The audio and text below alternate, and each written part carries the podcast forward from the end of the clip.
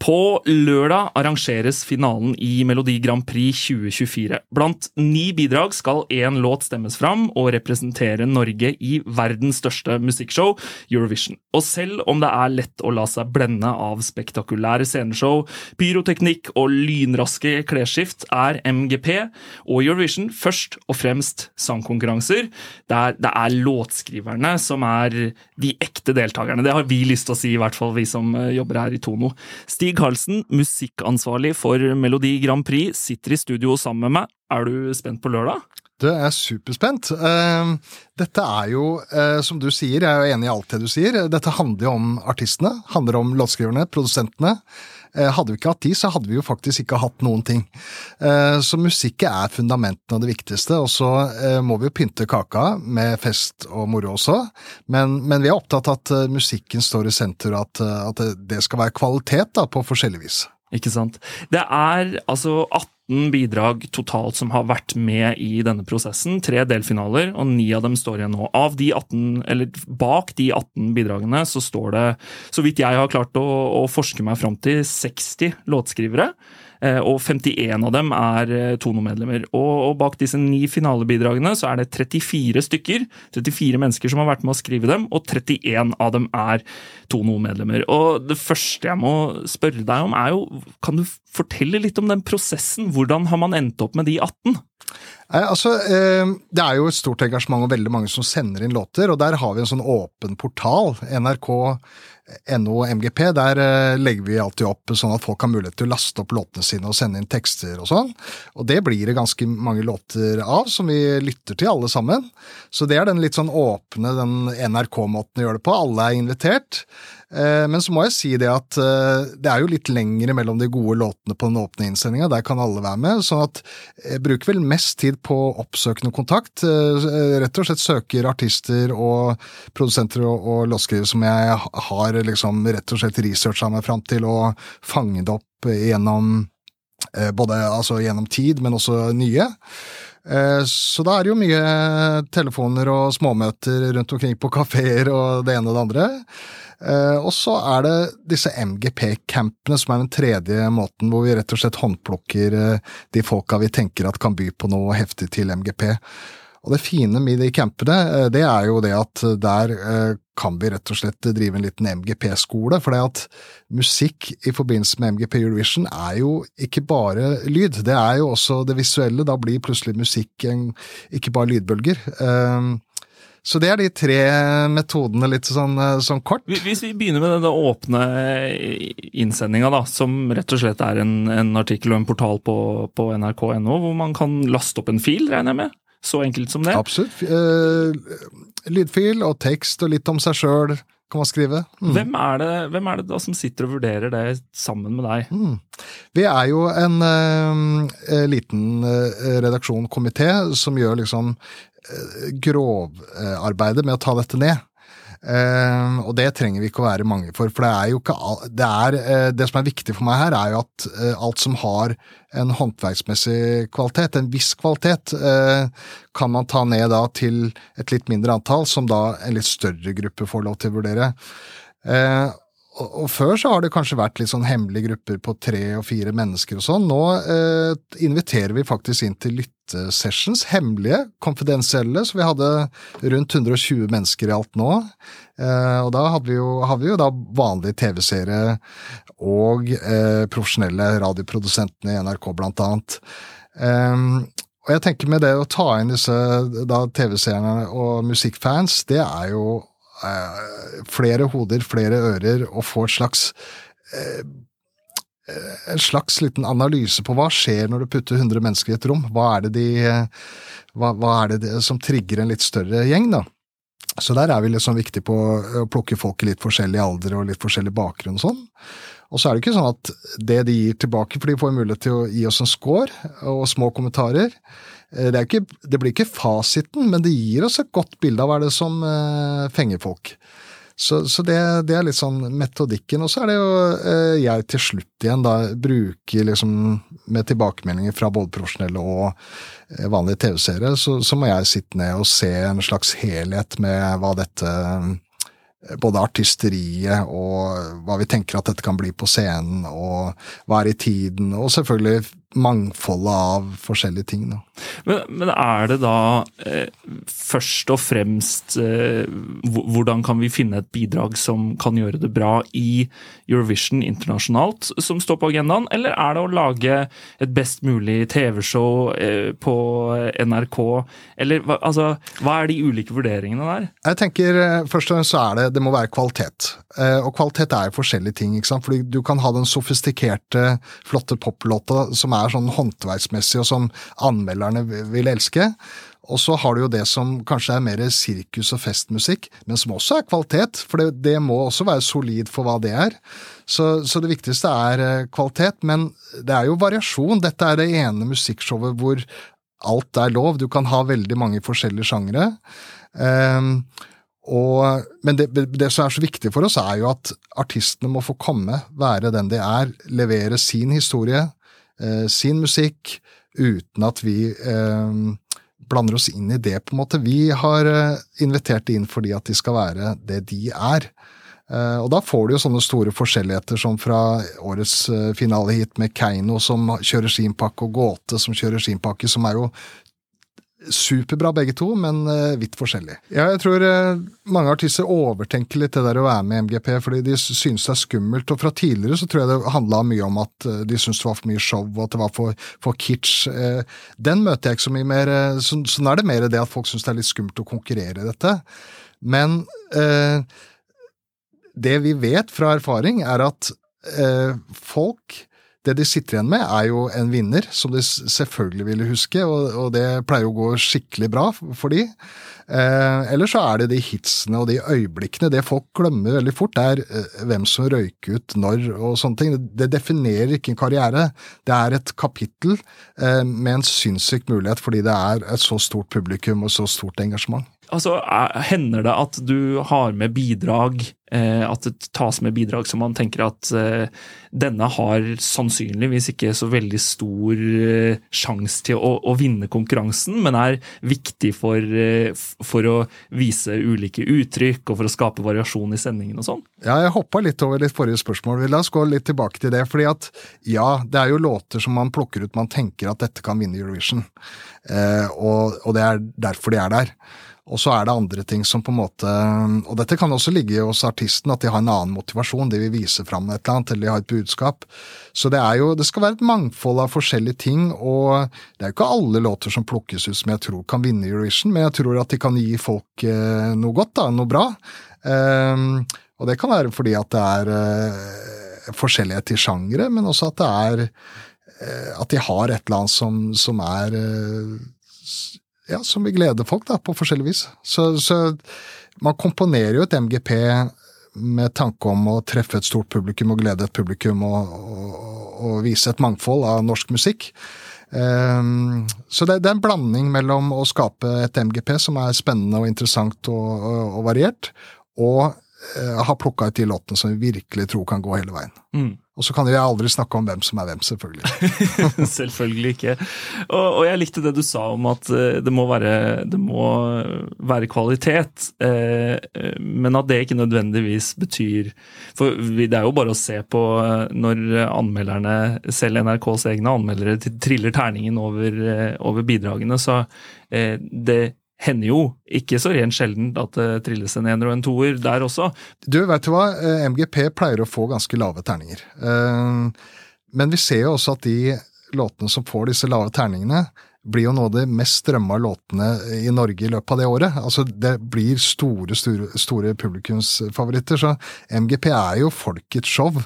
Eh, så, så, jeg mener eh, det er flott at vi har anmeldere der ute som, som skaper engasjement, men, eh, men, om de treffer på ballen, det gjør de jo sjelden de er vel ikke alltid helt på nett med, med, publikum. Men så var du altså inne på Du tar kontakt med, med en rekke artister også. Eh, hva slags eh, Jeg skjønner jo da at det handler litt om å komponere denne sendingen, men hvem er det som er på shortlisten din? Er det folk som har deltatt tidligere? Er det liksom du har noen sjangerspesifikke ting du må fylle opp? Hva, hvordan fungerer det? Nei, Det kan være en blanding, men det er klart jeg sitter jo og ser på hva slags MGP skal vi lage i i dag, eller i, år, eh, og så ser man på en sånn total av det. Men jeg ønsker jo store, tunge navn. Jeg ønsker noen headlinere, noen dragere. Og så syns jeg det er kjempespennende å trekke inn artist man ikke har hørt, hørt, om før. Alessandra gikk jo, altså fjorårets vinner, gikk jo fra å være helt ukjent til å få en helt eksplosiv suksess. Eh, med en eh, kvart milliard strømminger eh, per i dag på låta si. Det, det, sier jo litt, det er fire ganger så mye som Sagas mest strømmede låt, så det sier jo litt om denne plattformen må jeg av og til jobbe litt, motivere artister, få dem til å forstå hva det er, for ofte så skjer det et eller annet når jeg får lov til å komme inn i rommet og presentere, så bare Hva er dette det handler om? De vet jo hva MGP Eurovision er, men plutselig så ser de eh, den plattformen for noe annet når jeg får litt tid og får forklart. Eh, og det handler jo om at eh, at de skjønner hvor, hvor, bra plattform det er. Men så handler det også litt om å forstå sikkerhetsnettet. Hvor folk syns det er skummelt å konkurrere musikk, men det er ikke så skummelt å være med i MGP. Historien forteller oss det. Uh, og så disse låtskrivercampene. Folk som hører på, på denne podkasten, er sikkert kjent med konseptet låtskrivercamper eller songwriting camps, som det er fryktelig mye av, og mer og mer. Eh, og det har jo historisk eh, kanskje vært noe som har først og fremst hørt til popbransjen. Der hvor ulike artister og, og, produsenter og låtskrivere da på en måte møtes, kanskje uten å kjenne hverandre i det hele tatt, på en, på en camp, og så går de i studio, bruker en to tre, fire dager, sitter og skriver låt etter låt i håp om å få til en hit. Og noen ganger så skriver de for en spesifikk artist, noen ganger er det helt, eh, helt tilfeldig, og noen ganger så skriver de på leads. Og, og så har jo dette utviklet seg, da, så nå finnes det jo countrycamper, og det finnes eh, metal-camper, og det finnes også da Eurovision eller MGP-camper. Ja da, Vi har holdt på noen år eh, og har hatt stor suksess med det. fordi mange av de låtene som ender opp i MGP, kommer jo fra campene. Eh, og skal jeg være helt kynisk, så jeg bryr meg jo egentlig ikke om hvor disse låtene kommer fra. Vi må lage det beste MGP som er. Men så viser det seg at mange av de beste låtene vi sitter med til slutt, kommer fra de campene. og det eh, tror jeg har litt med selvfølgelig at vi håndplukker litt mennesker. Vi tenker hvem, hvem kan lage bra ting for MGP? Eh, og så handler det nok også litt om at jeg er til stede. Jeg får, jeg får på en måte coache og drive en liten skole i hva dette er òg. Vi vil jo at artistene skal være det de er, men det, det åpner liksom mindsettet deres i forhold til stort TV-show, eh, tenke visuelt når de begynner å skrive, eh, få en del triks på hva som har funka før og hva som ikke funker, eh, og egentlig rett og slett bare ta musikken enda et steg til Eh, hvor musikken ikke bare er det du hører, men også det du ser, og, skape det universet av følelser. Da. Dere samarbeider jo med, med noen da, altså private aktører? Ja da, det er en hel rekke, så det er, det er diverse eh, publishing-selskaper. Og det her har vi Det handler mer om der engasjementet ligger, så, så kommer jeg innom, og så spiller jeg litt ball på hvem som skal være med på disse campene og, og sånn. Så det, der er egentlig døra veldig åpen, hvis noen tenker at vi har eh, et Altså om det er Eh, i, i, næring, eller om det er privat, eller hva det er. Hvis, hvis de har noe sol, solid å komme med, så er jeg veldig åpen for et samarbeid. Det er et eller annet med å få de kreative kreftene og de gode folka samla. Mm. Og, og, du sier dere håndplukker eh, en del mennesker, men det er også enkelte av disse hvor det er åpent for, eh, for ubeskrevne blader? Ja, og det er, det er, superviktig, fordi at skal vi oppdage nye talenter, så må vi slippe dem til. Da kan vi ikke bare plukke de vi kjenner til fra før. Så, så det er noen av disse campene som åpner opp for eh, Kall de i hvert fall uetablerte, men også kanskje med mindre erfaring. Og så viser det seg jo at noen av disse sitter jo med noen kvaliteter og overrasker. Det er jo en og annen låt i MGP-historien som kommer fra, fra en eller annen kjellerstue hvor det, hvor det sitter ei jente på piano eller en gutt på gitar, liksom. Så det, det det er jo et eller annet med å forfølge drømmen og få mulighet til å, til å, vise seg fram. Og om ikke man lykkes på disse campene med å få med låter, så er det jo Du treffer jo et miljø, og du går da kanskje fra eh, hva skal jeg si, kall det amatørcampen til å plutselig være i proffcampen. Så, Så det er veldig bra. Mm. Hvis noen av de som sitter og hører på tenker at dette kunne vært noe for meg, men jeg blir nok ikke håndplukka off the top of your head, kan du nevne noen av disse campene hvor det er mulig å, å, å melde seg på? Ja, altså det er, det er, flere fine camper. Det er eh, en som heter The, uh, The, Fjords, er det noe som heter. Jeg ville bare googla dette, for da kommer det fort opp. Og så er det jo på Rena uh, Into the Woods. Uh, der er det også en veldig sånn solid camp.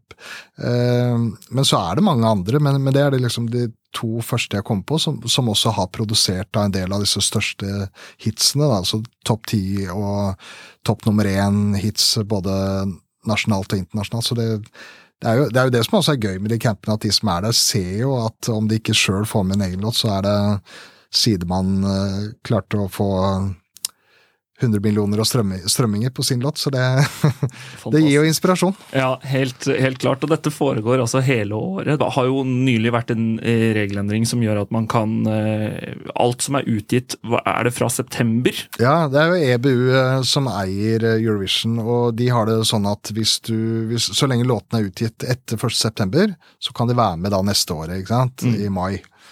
Eh, så tenkte vi det at vi skal ikke bare åpne det mulighetsvinduet. Eh, så selv om vi lanserer artistene, forteller hvem som er med da, og slipper, eh, eller i hvert fall da gjør det offentlig at disse låtene er med, så har man mulighet til å jobbe strategisk med musikken sin og slippe den etter 1.9. og kanskje se at Kanskje bevise at det skjer, er noe bevegelse med det. Kanskje jeg kan fange opp at det skjer noe på listene.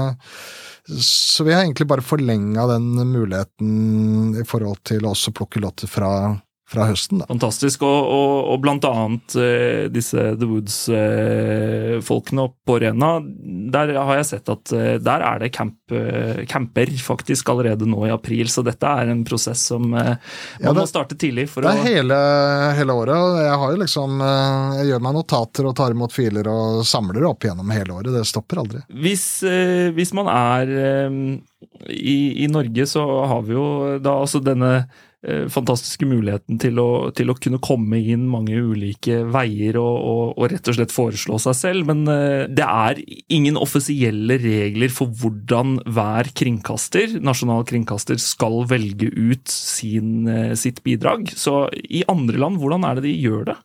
Regelen er jo sånn at vi må levere 10. mars i år, så må vi levere et bidrag. Og så er det som du sier, veldig mange forskjellige land. Det er jo gjerne mellom 37 og 40-42 land som deltar. og eh, Eurovision bryr seg ikke noe annet enn at de må ha en låt. Så i veldig mange land så har du jo sånne nasjonale store finaler som vi har, TV-program. Men så er det jo også enkelte land hvor, hvor det er faktisk morsomt hvor, hvor, statsledere blander seg inn. Kultur, kulturministeren blander seg inn i hvilke låter det er, fordi det er så viktig for det landet å vise seg fram i den internasjonale kontekst med, med et eller annet som står seg, da, sånn de ser det. Så det er interne utvelgelser, eh, og det er eh, store TV-show. og Vi kjenner jo Melodifestivalen i Sverige, som er ekstremt stort. Og så har vi jo Melodi Grand Prix i Norge. og Så er det så det er, det er jo også det som gjør det til verdens største musikkshow, at du har så mange land som driver med dette i, i, altså i veldig stort format. Nå regner jeg jo eh, med at du kommer til å være veldig forsiktig med å spå noen ting om hva som skjer på, på lørdag. Men ut ifra de ni bidragene som der skal konkurrere, hva, hva, hva, føler du om Norges eh, sjanser internasjonalt i år, da? Altså Jeg føler at vi har en veldig veldig bra finale. Det er veldig variert, eh, og det er eh, noe for alle, vil jeg si. Og så er det veldig spennende, fordi at det er mange som kan, kan ta dette. Det er, du har de store kjente som mange heier på, som er veldig sånn bookmakernes favoritt, men så har hun også noen ordentlig sterke underdogs. Uh, og jeg tror i dette heatet uh, at vi har låter som kan hevde seg veldig, veldig bra internasjonalt. Tror du det hvert år? Ja, men det er også fordi at vi legger ned arbeidet. fordi at Det er jo det som jeg ser på de landene som ikke har så stor suksess, det er at de har bare en åpen innsending. De jobber ikke aktivt mot bransjen. De plukker bare fra det de får inn. og det mener jeg at det ikke er godt nok. Man må ut og søke talentene og ut og eh, motivere de store navnene og holde disse campene. Og, så, så, vi bruker enormt mye tid og ressurser på å huke inn låter, og det er derfor jeg også hvert år kan si det at jeg, jeg har trua. Hvordan tror du fremtiden ser ut for, for både Eurovision og for MGP? Det er jo eh, noen musikkprogrammer som, som har lave Altså eh, i takt med at folk ser mindre på lineær TV, så, eh, så, faller jo seertallene på, på, mye forskjellig. Men mitt inntrykk er at interessen er stor for MGP fortsatt. Hvordan, hvordan ser det ut? Altså, Engasjementet er eksplosivt, og det er klart at det sprer seg jo i mye større grad over flere plattformer og gjennom også andre medier. Eh, og Eurovision, EBU, har forvalta arven veldig godt. Eh, det står utrolig sterkt. Men det er klart vi er et brytningspunkt hvor eh, distribusjonen av MGP og Eurovision er i endring. Så det er jo veldig spennende, men det har jo vært store endringer opp igjennom i disse 65 åra MGP snart har holdt på, og snart 70 år med Eurovision. Så jeg har trua. Dette er jo uh, verdens største musikkshow, og det er en tradisjon som har levd så lenge. Uh, men det er klart, alle må være på ballen i forhold til utvikling, i forhold til å finne publikum og gjøre de riktige tingene i forhold til plattformer og sånn. Uh, Linær-TV er i stor endring. Hva det, hvordan det ser ut om eh, noen år, det, det, får vi jo svar på etter hvert. Men, men live-eventer, ting som skjer her og nå, det er nå det skal avgjøres, enten om det er sport eller MGP, det vil bestå. Mm. Vi trenger alle noe å føle at vi er eh, sammen om. Ja, samles rundt, og det, det, det, er en spenning. Det er et eller annet, det er nå det foregår. Men det, det er jo spennende å se, eh, se, inn i fremtiden. Hvordan ser det ut? For det, vil jo bli endringer. Mm. Det er ikke noe tvil om det. Nei. Med jevne mellomrom så blir Eurovision politisert. Det skjedde i forbindelse med Russland-Ukraina-konflikten, og det skjer nå i forbindelse med Israel og Palestina. Eh, det er vanskelig å ikke ta en liten runde innom det. Hva, hva tenker du og NRK om det? Altså, først og fremst er det jo helt forferdelig det som skjer nå. Eh, det er helt grusomt. Så det er ingen som er, ikke er berørt av det. Eh, for å dra litt historikk, så Eurovision ble jo stifta faktisk for at Europa skulle se hverandre til noe hyggelig etter andre verdenskrig. Eh, sånn at, og det har det vært i alle år. Det liksom har båret det budskapet om at et fellesskap, om, om fred og hygge og, og rett og slett skal være apolitisk. Det skal ikke være politisk, og så blir det jo det veldig allikevel. Fordi du har deltakerland som er i væpna konflikter. Eh, og da er det ikke vanskelig å forstå at engasjementet blir veldig stort rundt det. Eh, og jeg tenker at den diskusjonen Eh, rundt disse deltakerlandene, også må, må, jo bare få fortsette. Eh, det vi tenker i forhold til MGP, er at vi har masse dyktige, flotte låtskrivere, artister, produsenter, eh, og MGP er en stor norsk musikkfest.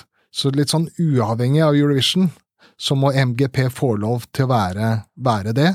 Det bærer fine verdier som fellesskap og samhold og, og det der med å fremme ny norsk musikk som er så viktig.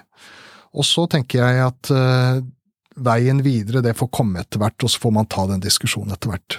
Eh, disse situasjonene som, som, kommer og går, MGP og Eurovision vil sannsynligvis bestå, og det kommer til å være eh, mange år foran oss med, med ny og spennende musikk. Hvis du eh, som den som tross alt sitter på toppen og, og, tar de endelige beslutningene om hvem som skal delta, skal komme med dine beste råd til de som kunne tenke seg å delta. Hva sier du da? Nei, altså Det jeg sier, er at uh, dette er eh, den beste og største plattformen i Norge for å eh, presentere ny musikk. og det å ta den spotlighten det veier så mye mer enn den redselen for det å være med i konkurransen. Fordi at uh, historikken forteller oss at hvor man havner på den resultatlista, det glemmer folk veldig eh, fort. Det man husker, er øyeblikkene, eh, hitsene, og selvfølgelig en vinner som får stor suksess. Så, Og, dette definerer ikke en karriere, dette er et kapittel. Så, så mitt beste råd er først og fremst å ta kontakt, eh, og så tar vi det derfra. Og eh, når denne podkasten kommer ut, eh, så er det altså torsdag. Da er det to dager til, eh, til finalen, altså lørdag. Eh, den begynner klokken 1950. og går på NRK1. Eh, og holdes da i, i Trondheim Spektrum. Fullsatt eh, Trondheim Spektrum, vært utsolgt lenge. 8500 mennesker og rundt en million mennesker foran TV-skjermene. Stig Karlsen, tusen hjertelig takk for at eh, du kom hit til Musikkskaperne, Tone sin podkast, og snakket om dette. Vi gleder oss. Herlig.